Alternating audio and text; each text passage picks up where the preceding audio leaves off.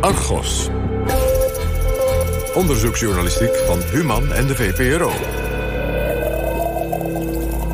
Tessel Blok.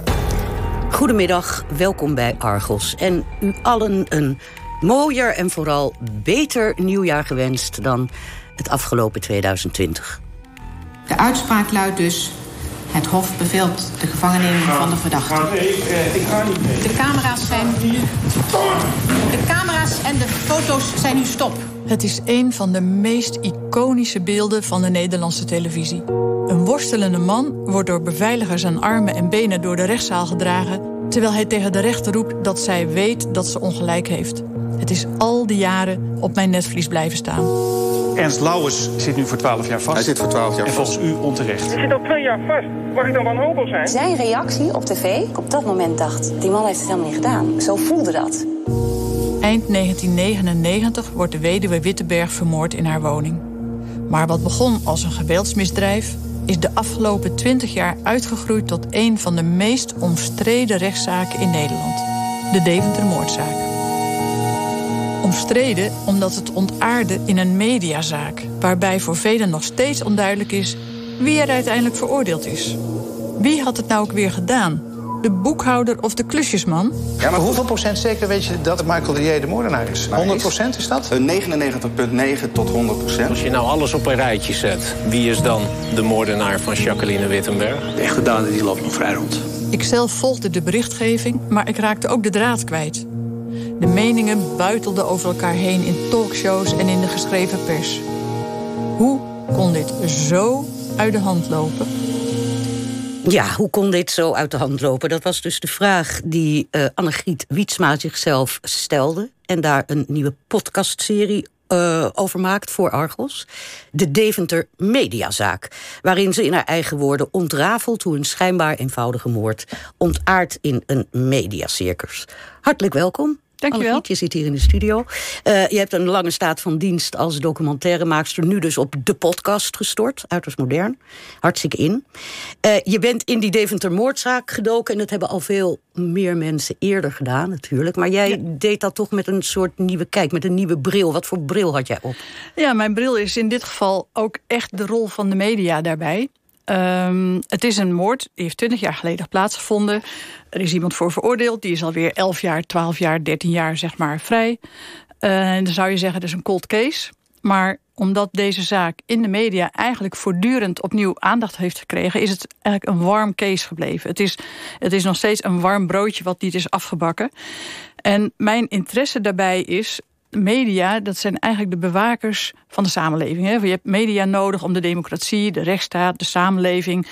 Uh, kritisch te volgen en op de rails te houden. Maar media zijn tegelijkertijd ook gebaat bij een, een soort... nou, niet altijd de nuancering. Hè? Media moeten ook rol, een beetje een aandikken. rol ergens in. En, en zelf ook een rol daarin vervullen.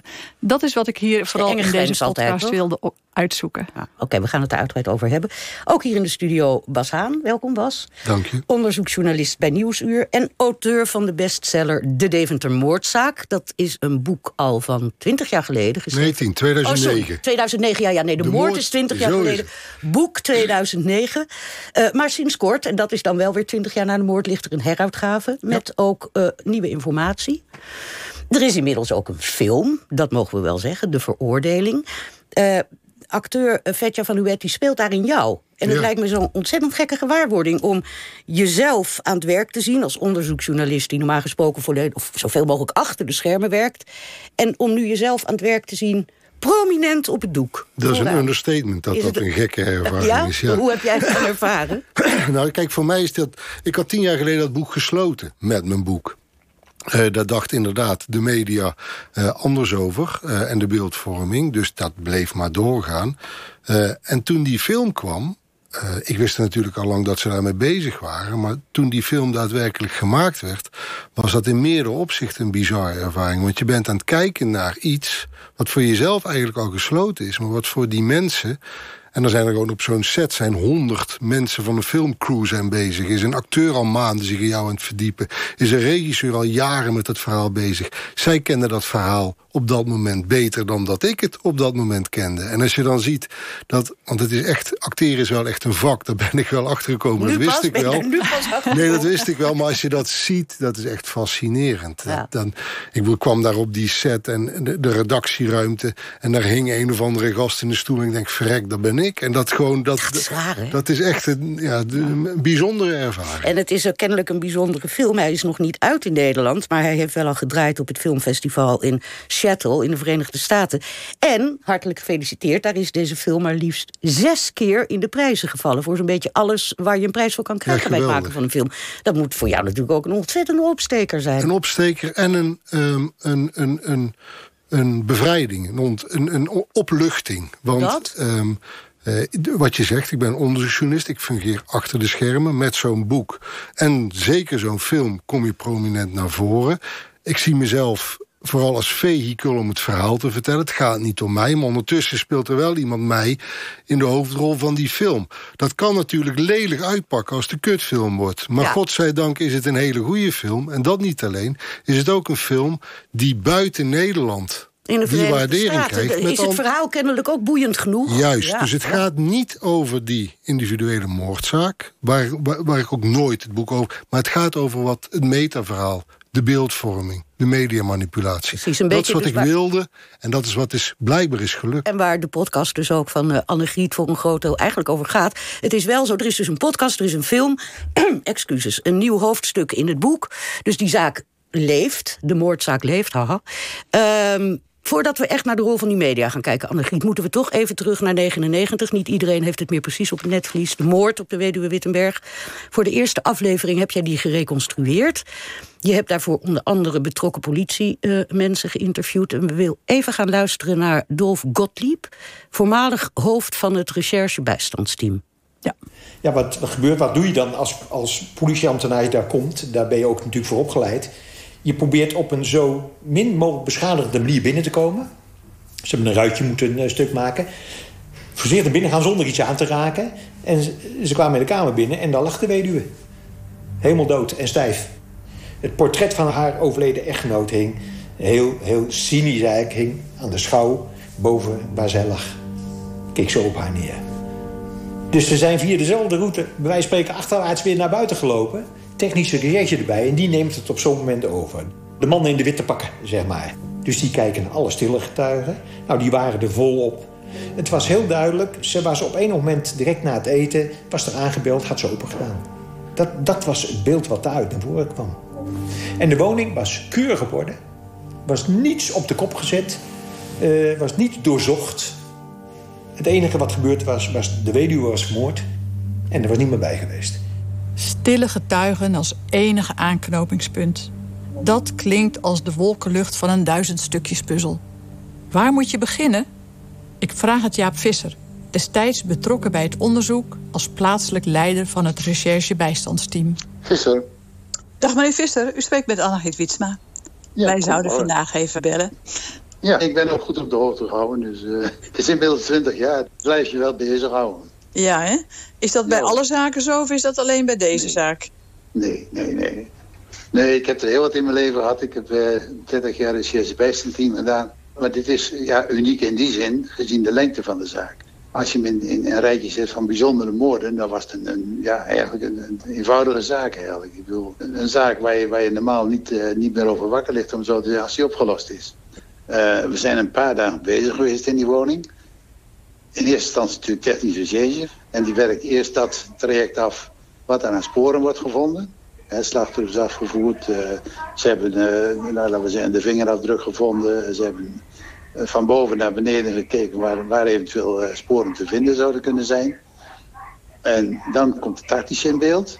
Dan kijk je van, nou, wat valt er nou op in zo'n woning? Valt, het valt op dat er een schot aan de stoel hangt. Je krijgt details waar, je, waar je dus, laten we zeggen, taxiregisseurs mee op pad stuurt. Naar, naar bijvoorbeeld de, de werkster van, van mevrouw. Ja, precies. En, ja. van, van mensen die bij haar wel eens op visite waren. Van wat zie je nou wat hier vreemd in die woning is. Jaap Visser en zijn team onderzoeken de woning van boven tot onder. Dolf Gottlieb, regiohoofd van de recherche, kijkt op afstand over hun schouder mee. Dit was typisch een onderzoek dat je heel breed begint en dan na verloop van tijd gaat trechteren. Want als je eh, in het duister tast en je kiest meteen een scenario, een hypothese... dan loop je een enorm risico dat je juist de goede richting mist. Dus je moet in het begin breed zoeken... maar je gaat op, op volgorde van wat is het meest waarschijnlijk... het meest kansrijke, loop je zeg maar de verschillende mogelijkheden af. Dat is ook in zaak gebeurd. Noemt u er eens een paar? Uh, het familieonderzoek bijvoorbeeld. Er was een, uh, een, uh, een familie die baat kon hebben bij erfenis... Er waren vriendinnen. Er was sprake van een onderhoudsman, de klusjesman, zoals die later genoemd werd. er waren dus een aantal potentiële mogelijkheden. En dat moet je zien in het licht van... het was niet de boze onbekende die zeg maar, iemand de bosjes insleurt... en allemaal nare dingen doet. Dit was iemand die moest bekend zijn geweest. Uit het hele eerste beeld wat er opkwam... was dat iemand was die uh, een bekende was van, uh, van een slachtoffer. Een mevrouw die zeker zich niet zou inlaten met vreemden. Dat je daaruit moest afleiden van... Ze, heeft, ze had de, de dader zelf binnengelaten. Dat bleek uit het hele sporenbeeld binnen. Er was niets verbroken. Uh, ze had zelf de deur open gedaan. Dus daar komt natuurlijk al iets uit een woord. Hij zegt van, in wat voor kring ga je zoeken? Dan kun je die kring kun je toch in, in, in een grote lijn trekken rond de mensen waar zij mee omging. Ja, Annegriet Wietsma, maker van deze podcast, de Deventer Mediazaak geheten. Dat was al snel duidelijk, iemand waar ze mee omging. En de politie kijkt dan eerst naar Michael de Jong. Ja. klusjesman, zoals wij die zijn gaan kennen. Maar uiteindelijk komen ze dan na veel gedoe, komen we nog op... Uh, komen de rechercheurs uit bij fiscaal jurist Ernst Lauwes... die wij inmiddels zijn gaan kennen als de boekhouder. Hoe, hoe is die verdenking ontstaan? Op basis waarop? Nou, je moet, je, je moet het je zo voorstellen. Kijk, er zijn geen ooggetuigen. Er zijn alleen maar getuigen. Dat zijn mensen die er niet zelf daadwerkelijk bij het moment van de moord aanwezig waren. Maar die allerlei andere dingen kunnen vertellen waar de politie naar op zoek gaat van of ze daar aanwijzingen uit kunnen destilleren. En dan zijn er stille getuigen. Dat zijn de dingen die zich in de woning aandienen. Waarvan je conclusies kunt trekken van het moet rond dat dit tijdstip zijn mm -hmm. gebeurd. Uh, uh, dus daar ook al die, al die getuigen, die, die, die mensen die er niet bij waren natuurlijk, maar er wel iets over kunnen vertellen, hopelijk.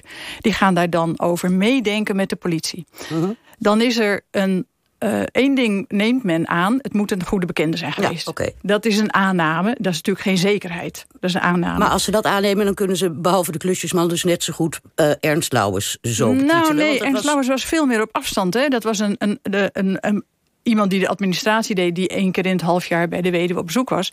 Alleen ze had toevallig net in die periode haar testament gewijzigd. En de politie heeft contact met Michael. De Jong verhoort hem een paar keer. Mensen in zijn omgeving, niet in zijn omgeving... maar in de omgeving van de weduwe, zeggen... ja, dat is best wel een beetje een aparte man. Maar dat is zo. Ik wilde even eerst... hoe komen, hoe komen ze uiteindelijk, nadat ze bij Michael de Jong zijn geweest... en daar kennelijk ook weer van afzien... hoe komen ze, wat, wat was nou het kernpunt waardoor ze zeggen die Lauwers? Er waren een aantal zaken, maar het begon met het feit... dat het testament van de weduwe was gewijzigd... twee, maand, twee weken voor haar dood. En hij was de executeur testamentair, de nieuwe executeur testamentair. Dat is één punt. Dat, dat roept natuurlijk even... Hè, daar zijn ze aanvankelijk niet echt mee bezig. Maar goed, het is maar wel laat, iets wat okay, ze zich realiseren. Zo, en laten we dan weer even gaan naar je podcast. Even nog een fragment ja. laten horen. Want hij is dus de nieuwe uh, executeur testamentair. Testament is gewijzigd. Om er naar achter te komen hoe dat gaat met een nalatenschap... ben jij gaan praten voor je podcast met veilingmeester Richard Hessing. En die vertelde jou dienaangaande het volgende. Kijk, als je testament-executeur bent dan probeer je natuurlijk wel zoveel mogelijk eruit te slaan wat erin zit. Maar met de boedel was het gewoon, haal hem op en kijk maar wat je ermee doet. Er staat een Saab, een auto. Was ook bijna geen kilometer op gereden, een paar duizend kilometer. Als nieuw. Veilig, uh, gewoon weg ermee. Ja, ik zeg maar, we hebben nu eerst een sieradenveiling. Daarna hebben we weer een antiekveiling. Uh, maakt niet uit, gooi het er maar tussen. Dus die auto is geveild tussen de sieraden door. ik bedoel, dus die, die Saab die bracht die zonder de dagwaarde op, maar weg was die. En de rest van de boedel werd nooit gezegd van uh, taxeer dat even of wil je dat even kijken. Gewoon weg, weg, weg, weg, weg. En dan denk je, ja, maar op die manier laat je geld liggen. Niet een paar centen, maar veel geld. En dan kom je bij het volgende. Dan zie je in de hal zie je grote vuilniszakken staan. Die maakten we op en die zaten vol met administratie. mappen, boekhouding, rekeningen. Daardoor wisten we ook dat ze in aandelen handelden, bijvoorbeeld in Amerika. Wat was de opdracht met die administratie? Moest zo snel mogelijk vernietigd worden. Alles moest geschredderd, vernietigd en op de vuilnisbelt. Dus mijn zoontje, en daar is hij nu nog, heeft hij nu nog een trauma van... heeft daar op een gegeven moment een week lang, s morgens vroeg tot s middags laat, zitten schredderen. Heeft hij dat echt gedaan? Ik zweer je. Vond je dat toen nou ook al gek? Ja, natuurlijk vind ik dat gek. Want ik bedoel, eh, kijk, als je 35 jaar in het veilingvak zit, nu... en je zegt, dat ben ik nooit tegengekomen, dan geloof me dat het vreemd is. De aandacht van de politie verschuift van Michael de Jong naar Ernst Lauwers. De boekhouder, executeur testamentair en beoogd voorzitter van de stichting die de miljoenen van de weduwe gaat beheren. Regisseur Godliep herinnert zich een bijzonder telefoontje. De focus kwam echt pas op hem toen de directeur van een levensverzekeringsmaatschappij belde met de officier justitie in Zwolle en zei: Ik heb iets heel raars. Uh, er is iemand, een executeur testamentair, die wil een levensverzekering. Ik meen dat het bedrag zo'n 4 ton was daarvan. Uit laten betalen op zijn privérekening. Dat is raar. Dat heb ik nog nooit eerder meegemaakt. Dat kan niet. En dat vonden we wel heel merkwaardig. Toen zijn we toch even gaan kijken naar uh, wat achtergronden en wat omstandigheden rond de financiële adviseur. Op de deurpost in de huiskamer van de weduwe was een vingerafdruk aangetroffen. Deze vingerafdruk blijkt voor te komen in de landelijke database van de politie. In 1979 voor het misdrijf oplichting dan wel valsheid in geschriften. En in 1994 in zaken verduistering in dienstbetrekking. In beide gevallen is de vingerafdruk verbonden aan ene Ernst Lauwers. We hebben wel een, een vingerafdruk van Lauwers gevonden. Ja, ja, ja, ja. Op een gegeven moment kwam de verdenking om direct op Lauwers te liggen. Ja, en dan gaat de VNG gaat in, in het onderzoek rondom Lauwers zitten. En dan ja. de, de relaties van Lauwers onderzoeken. Dan ga je uh, op zijn kantoorwerk onderzoeken. Je gaat zijn financieel bekijken. En dan komen er steeds meer duidelijke aanwijzingen die, uh, die op hem wijzen.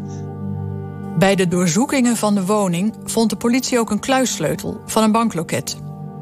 De politie overhandigt deze kluissleutel aan executeur testamentair Lauwers. In de kluis zit een bedrag van 17.000 gulden. Lauwers stort het bedrag vervolgens op een privérekening in plaats van op een nog te openen rekening van de toekomstige stichting. Intussen werd er ook forensisch onderzoek gedaan naar onder andere telefoonverkeer. Was er telefoonverkeer geweest op de telefoon van mevrouw? Nou, daar kwam dat beruchte telefoontje uit dat ze vrij kort voor haar overlijden gebeld was door de GSM van de financiële adviseur.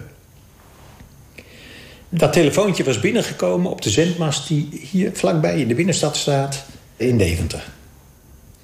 Nou, het eerste wat je dan denkt, hé, hey, raar. Dan is die kelk in Deventer geweest. De financiële adviseur daarmee geconfronteerd zei... nee, ik heb wel gebeld, maar dat was van de snelweg bij Harderwijk. Oh, wij zijn twee dingen gaan doen. We zijn met zijn telefoon op een gegeven moment gewoon eens rond gaan rijden hier. Tot waar kun je verbinding krijgen uh, met zo'n zendmast hier in Deventer. Uh, want vanaf de snelweg bij Harderwijk lukte dat op geen enkele manier. Uh, er zijn deskundigen geraadpleegd, onder andere de KPN. En die zeiden, oh, nee, dat kan helemaal niet. Er staan zoveel masten tussen. Je hebt het massief van, het, van de Veluwe ertussen zitten. Dat kan helemaal niet. Dus dat telefoontje, dat, dat bleek toch heel snel... dat kon eigenlijk onmogelijk vanaf die snelweg komen. Dat leidde tot, tot vraagtekens van... hé, hey, terwijl we meneer Lauwers eigenlijk in het begin helemaal niet als verdachte op het oog hadden. In totaal heeft het rechercheteam meer dan duizend aanwijzingen onderzocht. Steeds meer puzzelstukjes verwijzen naar de persoon van Ernst Lauwers. We hadden op een gegeven moment dus uh, dat telefoontje... En het gegeven dat meneer Lauwers uh, met die erfenis al dingen aan het doen was. Maar we zeiden, ja, eigenlijk kan dat niet. De informatie vanuit de familiekring en de vriendinnen van mevrouw. Verder hadden we op dat moment geen enkel technisch bewijs overigens. Maar het was wel voldoende, in samenspraak met de officier justitie... om meneer Lauwers als verdachte te gaan aanmerken toen. Tja, op dat moment stond Lauwers er dus behoorlijk gekleurd op. Bas Haan, jij hebt... Uh in de tijd voor je tv-reportages... maar later natuurlijk ook voor je boek... die zaak helemaal uitgeplozen. En dat heb je al vaker gezegd, die moordzaak zelf was helemaal niet zo ingewikkeld. Het, eh, toch, er was een motief. eh, Nou, pas op. Ik bedoel, want... ik pas nu op. Er zit in dat laatste zinnetje van die rechercheur natuurlijk wel een hele belangrijk ding. Dat hij zegt dat ze weinig technisch Er was geen technisch. Ik bedoel, de- de- natuurlijk vertellen zij nu achteraf wat ze allemaal vonden. Maar feit is wel dat die zaak voor de rechter kwam... en dat Lauwers werd vrijgesproken in eerste Want vertel eens, het en was, terecht. want, want er was gewoon met het onderzoek van alles mis. Het was gewoon een, een baggeronderzoek. Ehm, er, is, er is op basis van die aanwijzingen... is er heel veel... Oh, dat, natuurlijk is het heel verdacht als iemand... eh, een levensverzekering wil laten betalen op zijn privérekening. Maar het is niet gebeurd. Het is uiteindelijk niet betaald. En er is verder niet aan Lauwers doorgezaagd over... waarom heb je dat gedaan? Laat staan dat in de rechtszaal is besproken. Met andere woorden... Dit is een klassie, het eerste onderzoek in een klassieke tunnelvisie geweest. Ze hadden veel meer, juist wel degelijk ook naar Michael de Jong en naar anderen moeten Terwijl kijken. in het, een van de eerste fragmenten, eh, eh, die Gottlieb nog zegt... het eerste wat je natuurlijk moet doen in, zo'n, is in het begin... is zo breed mogelijk kijken, maar dat is dus niet gebeurd. Nee, want en, en het, het, het is steeds verder getrechterd... zodat uiteindelijk bij die eerste rechtszaak... bleef er een telefoonpaal over, een mes... waarbij eh, politie de boel gewoon eigenlijk belazerd heeft. Die hebben met een geurproef lopen knoeien wat niet klopt. Met een hond? Eh, met, een, met een hond. Dus een, een telefoonpaal waarvan zij zeggen dat bewijst dat hij liegt. Nou, dat doet het heel waarschijnlijk. Maar KPN waarschuwde zelf al, jongens, het kan wel. Met andere woorden, de politie heeft de dingen veel te absoluut gemaakt. En daarom heeft de rechter ook gezegd van ja, dit is niet voldoende bewijs. U wordt vrijgesproken.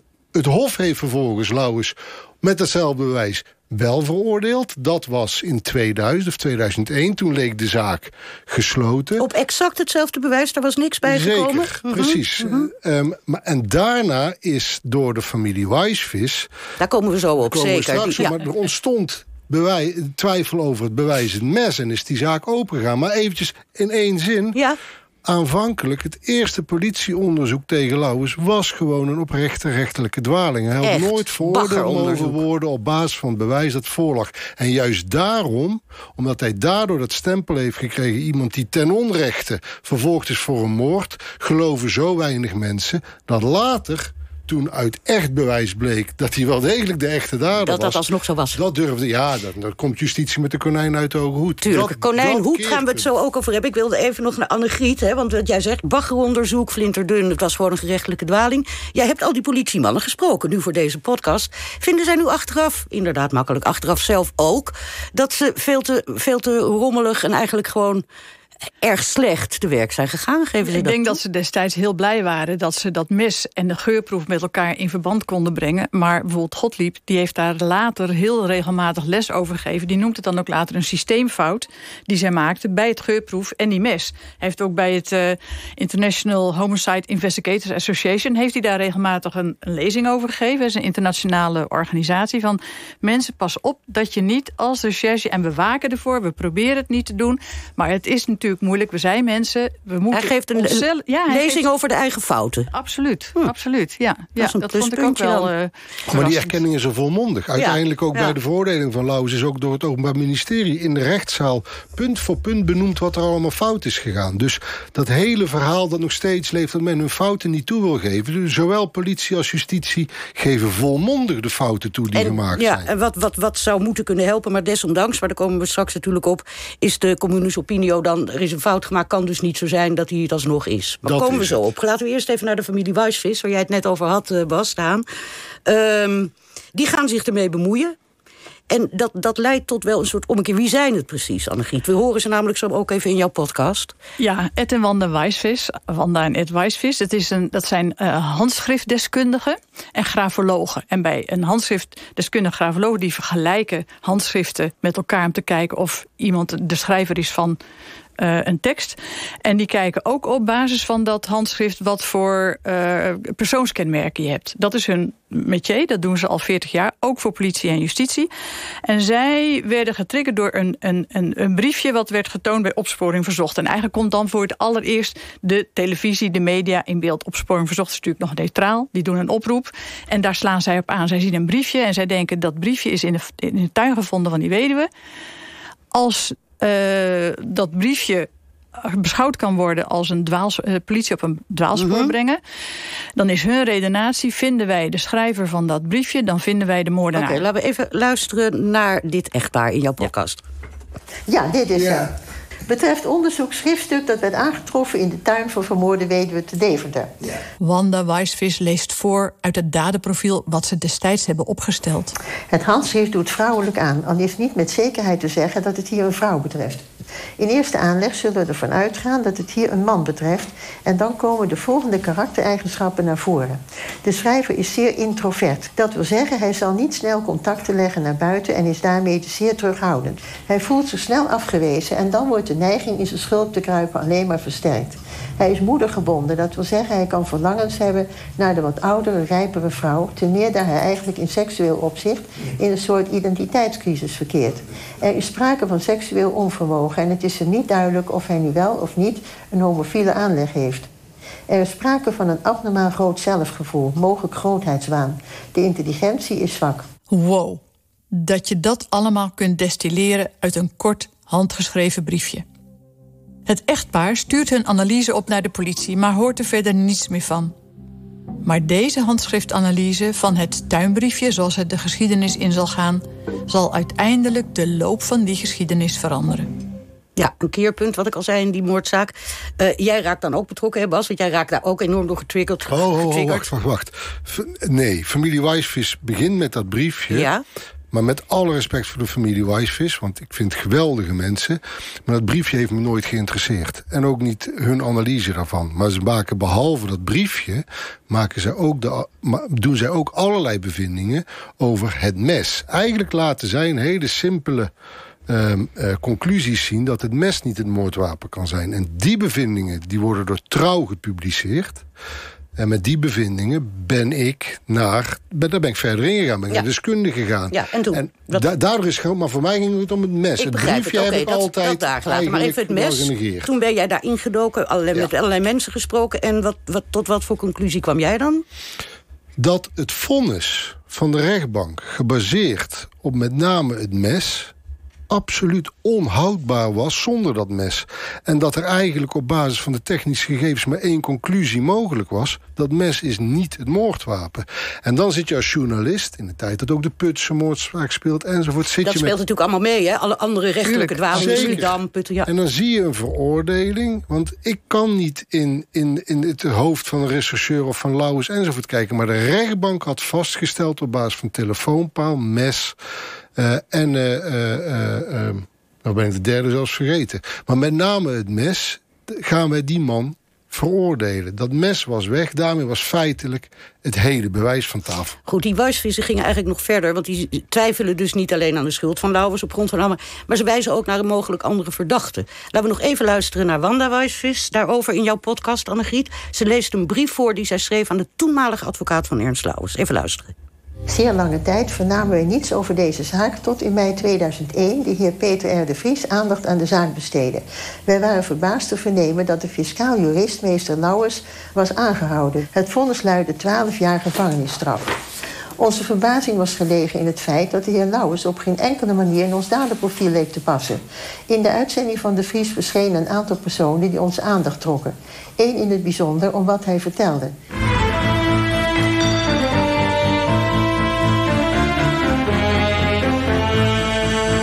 41-jarige Michael de Jong was sinds jaar en dag kind aan huis bij het echtpaar Wittenberg. Jullie waren heel goed bevriend met Jacqueline Wittenberg. Wat betekende zij voor jullie?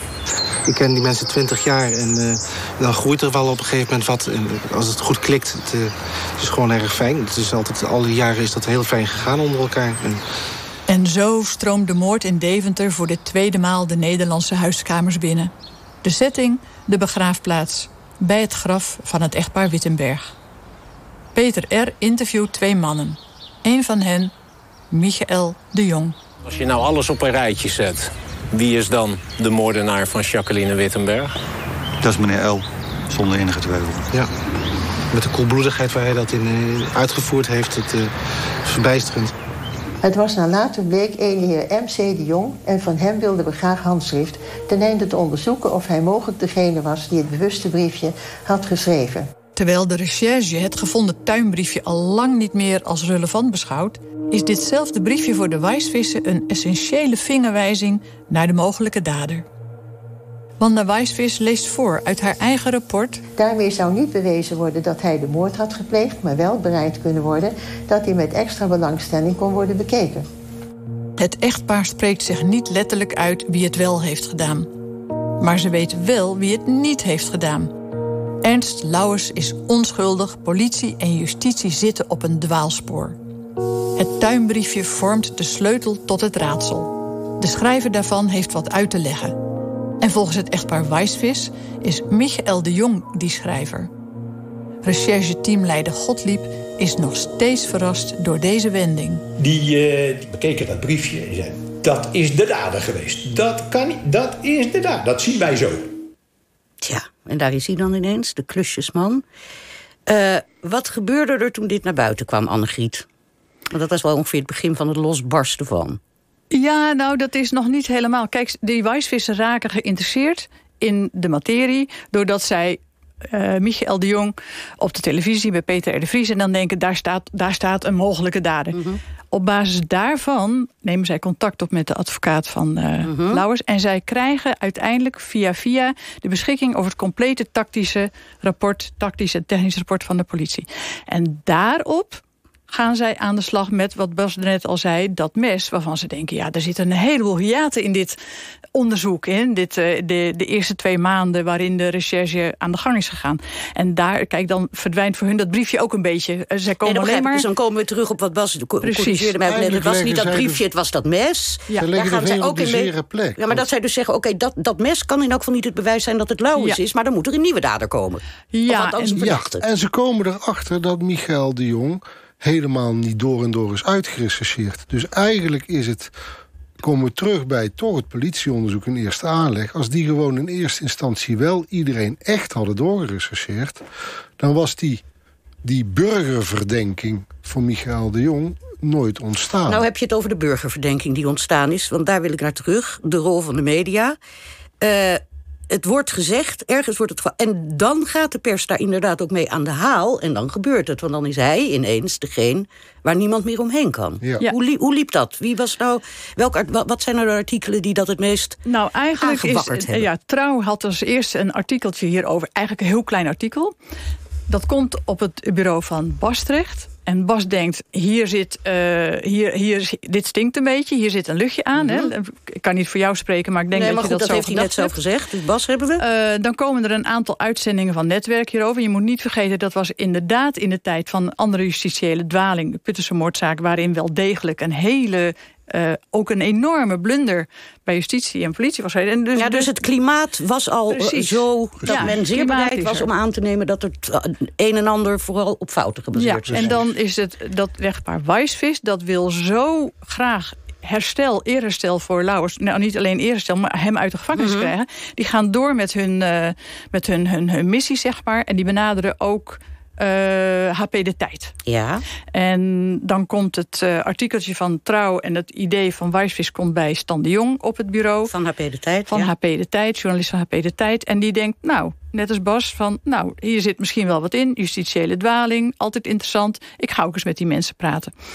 Eigenlijk is daarmee het begin ontstaan van die enorme media...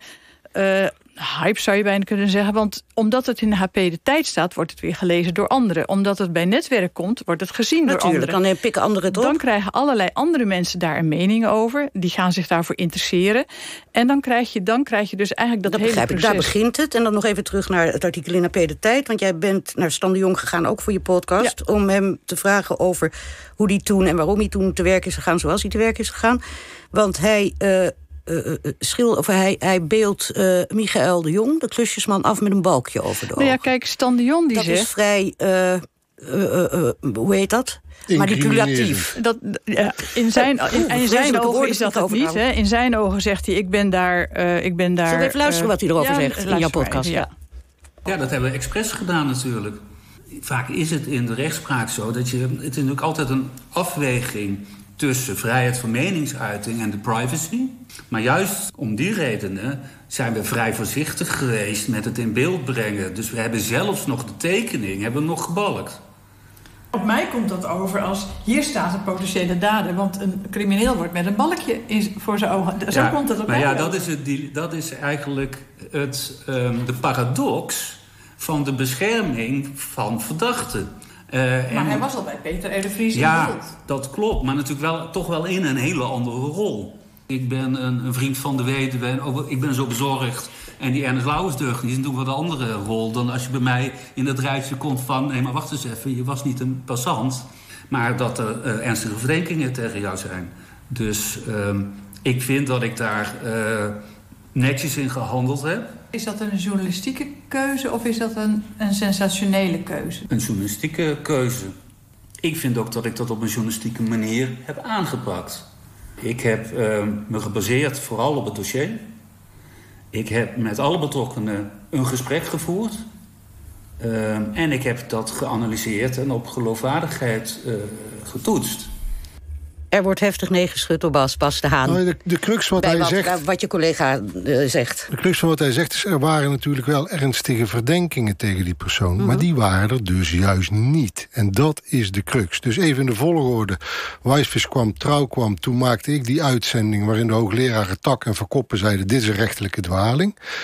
Dus toen ontstond het beeld in de media... oké, Lauwers is het niet. Logische vraag, wie is het dan wel? Mhm. Journalistiek geef je daar geen antwoord op. Punt. Je gaat niet als journalist, journalist die vraag beantwoorden in een uitzending of in een tijdschrift met of zonder balkje. Je gaat niet voor eigen rechtertje spelen en op basis van geen enkel fysiek bewijs vervolgens iemand beschuldigen. De journalistiek niet te verantwoorden. Nee, dat is ook, want ik dacht ook, in de kroeg zei ik ook... Jezus, ik ben nou met een rechtszaak bezig en die vent heeft het niet gedaan. En volgens mij weet ik wie het wel heeft gedaan. Want ik was door al die verhalen ook, ook redelijk overtuigd... dat die klusjesman het wel eens gedaan had kunnen zijn. Maar ehm, met mijn toenmalige hoofdredacteur Gijs van Beuzenkom... ik hoefde er nog geen seconde over te praten... we waren het echt wel eens van, ja, dat moeten we dus niet gaan brengen. We Nee. gaan niet een onschuldig iemand... eh, van, een, een, we gaan geen rechter en politie Dat spelen. is de en rol dat ook is niet, wel wat hier AP deed. En dat is wat in extremere mate later de hond is Precies, daar gaan we nu naartoe. Want het, het is dus zo dat ehm, eh, eh, het beeld is helemaal gekanteld. Lauw is het, is het niet, het moet iemand anders zijn. Dan komt uit verschillende hoeken, wordt op een presenteerblaadje aangeboden de klusjesman. En dan wordt Lauwers ook nog eens door de, Hoge, door de Hoge Raad... wordt de zaak van Lauwers terugverwezen naar het Hof. Het moet helemaal over. Nog meer natuurlijk het idee, zeker bij het publiek... er zijn hier grove fouten gemaakt, de man kan het niet zijn.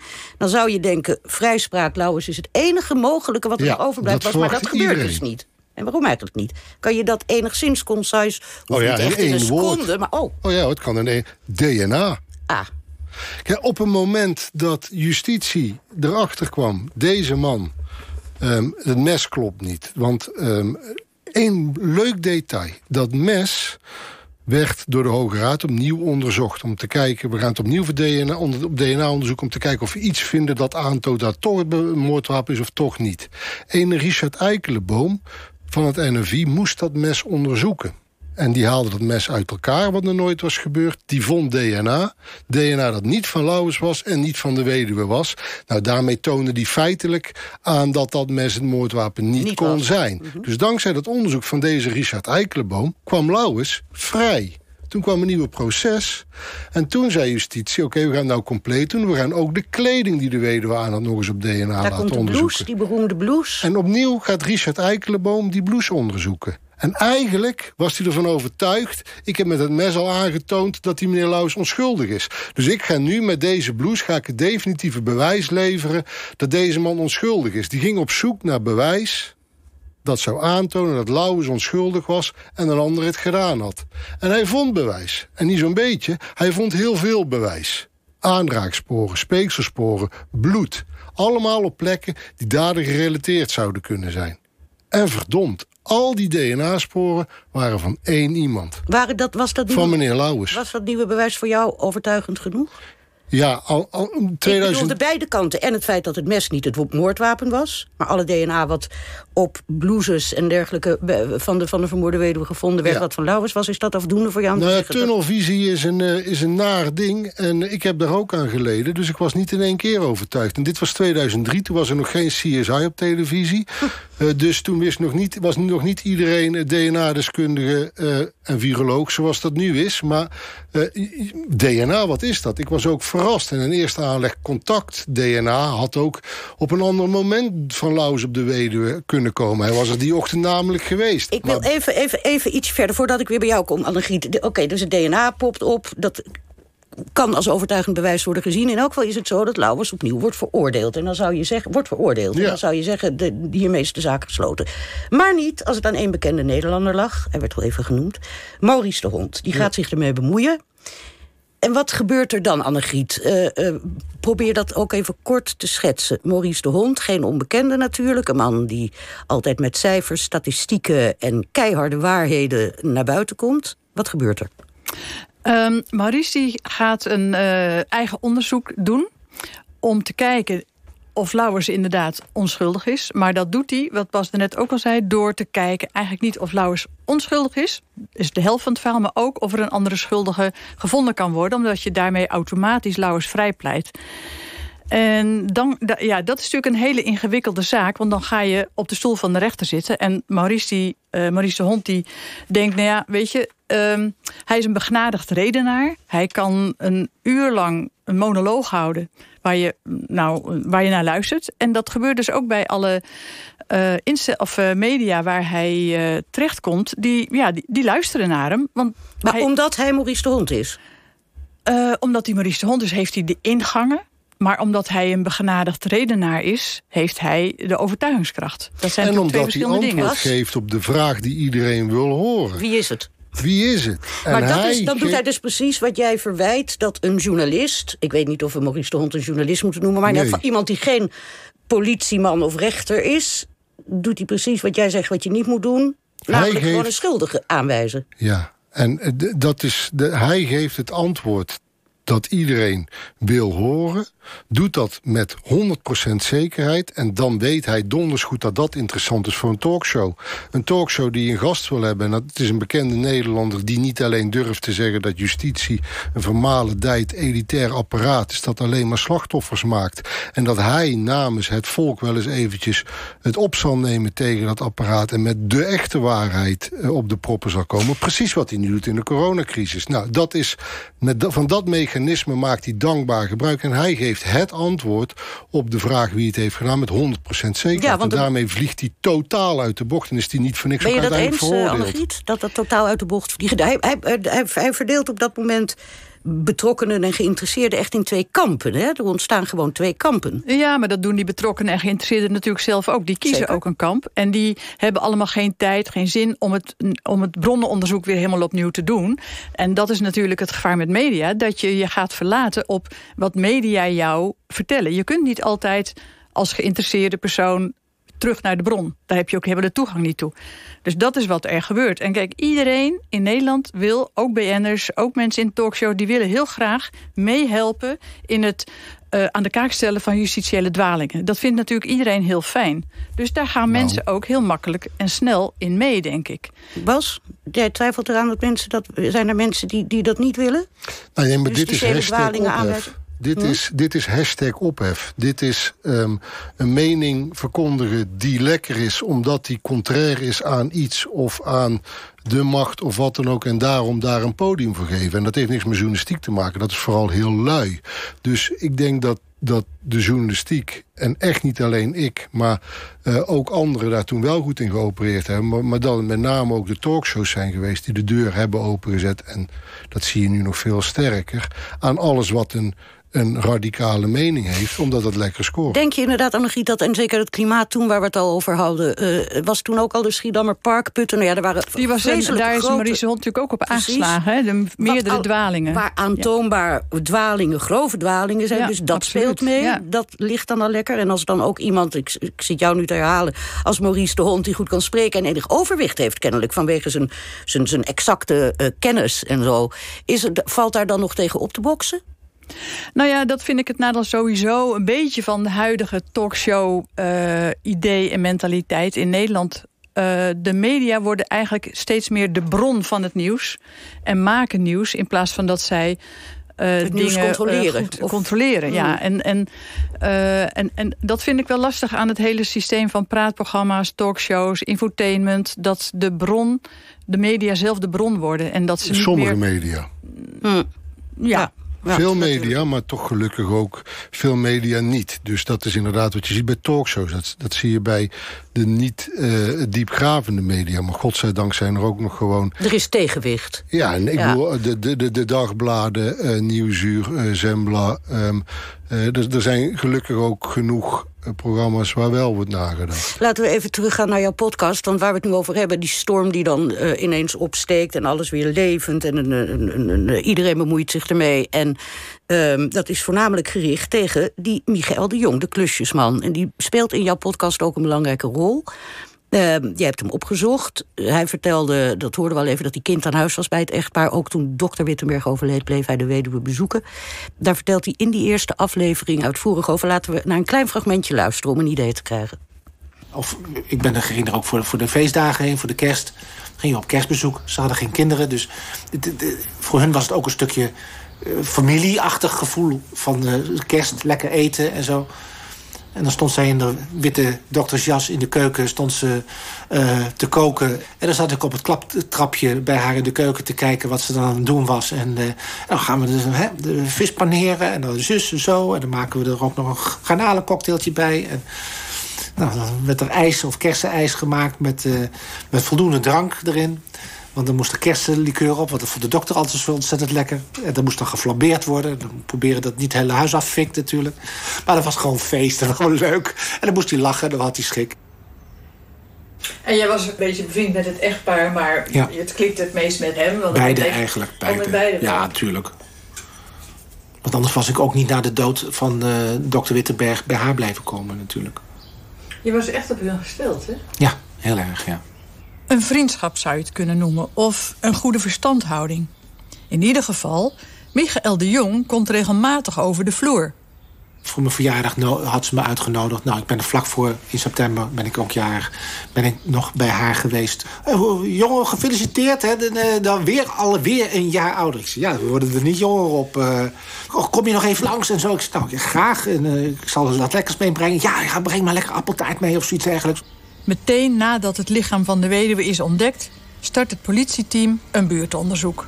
En er wordt contact opgenomen met de telefoonnummers van de voorkeurstoetsen. Waaronder die van Michael. Toen de recherche mij belde... waren we eigenlijk met z'n tweetjes naar een tuincentrum gegaan... om gewoon even eruit te zijn. Een sausijzenbroodje te eten, een kopje koffie te drinken... Uh, plantjes te kijken. Toen belde de politie op van wil u naar, naar het bureau komen? Ik dacht, oh Jezus Christus. Ik zei al tegen mijn vrouw van nou, zal wel ergens een ruit ingegooid zijn uh, of zo. En toen kwam ik op het bureau en toen vertelde ze dat mevrouw Wittenberg dus vermoord was. Dan weet je even niet waar waar je het moet zoeken. Dan weet je niet wat je... Je kunt het niet invullen, je snapt er helemaal niets van. Ja, dat, is, uh, dat was een ramp. Het is een heel onwerkelijk gebeuren. Ik, je hebt nog na, na tijden heb je nog het idee van... Oh, ik zal er vanmiddag even bellen, want ik zal toch eventjes dit of dat vertellen. Ik heb ook in de rouwadvertentie gezet... omdat ik de rouwadvertentie in die tijd erg onpersoonlijk vond... dat ze als een moeder voor mij was. Ja, er is over Michael de Jong in, in de loop van de tijd van alles beweerd. Drugsverslaafd, werkloos, strafblad, een ex-psychiatrisch patiënt. Wat, wat klopt daar allemaal van, Annegriet? Als je een kort beeld van hem moet schetsen. Uh, nou, hij was natuurlijk een hele mythische figuur geworden, de klusjesman. We kennen allemaal Maurice de Hond, we kennen allemaal Lauwers... Uh, via telefoongesprekken die Bas met hem gevoerd heeft. Maar dit was een hele onbekende. Dus ik ben naar hem toegegaan en ik heb hem gevraagd... vertel mij jouw, jouw kant van het verhaal. Dat was eigenlijk nog nooit verteld. En dan blijkt dat hij een hele... Uh, ja, hij is prettig in de omgang, hij is kunstzinnig, creatief. Hij heeft een vreemd soort eruditie, maar hij is waanzinnig dyslectisch. Dus zijn schoolcarrière is behoorlijk in het water gevallen. Mm. En denk dat hij daarmee, door die uh, schoolcarrière... die hij niet heeft kunnen volmaken is hij in een ander circuit terechtgekomen. Van uh, uh, self-made man, op een, eigen, op een andere manier doen, technisch zijn. Um, En dat heeft hem, dat heeft hem denk ik... En het is ook een heel... Het is een, het is een rare snuiter. Het is een leuke vent, maar het is een rare snuiter. Hij kleurt niet binnen de lijntjes. Hmm.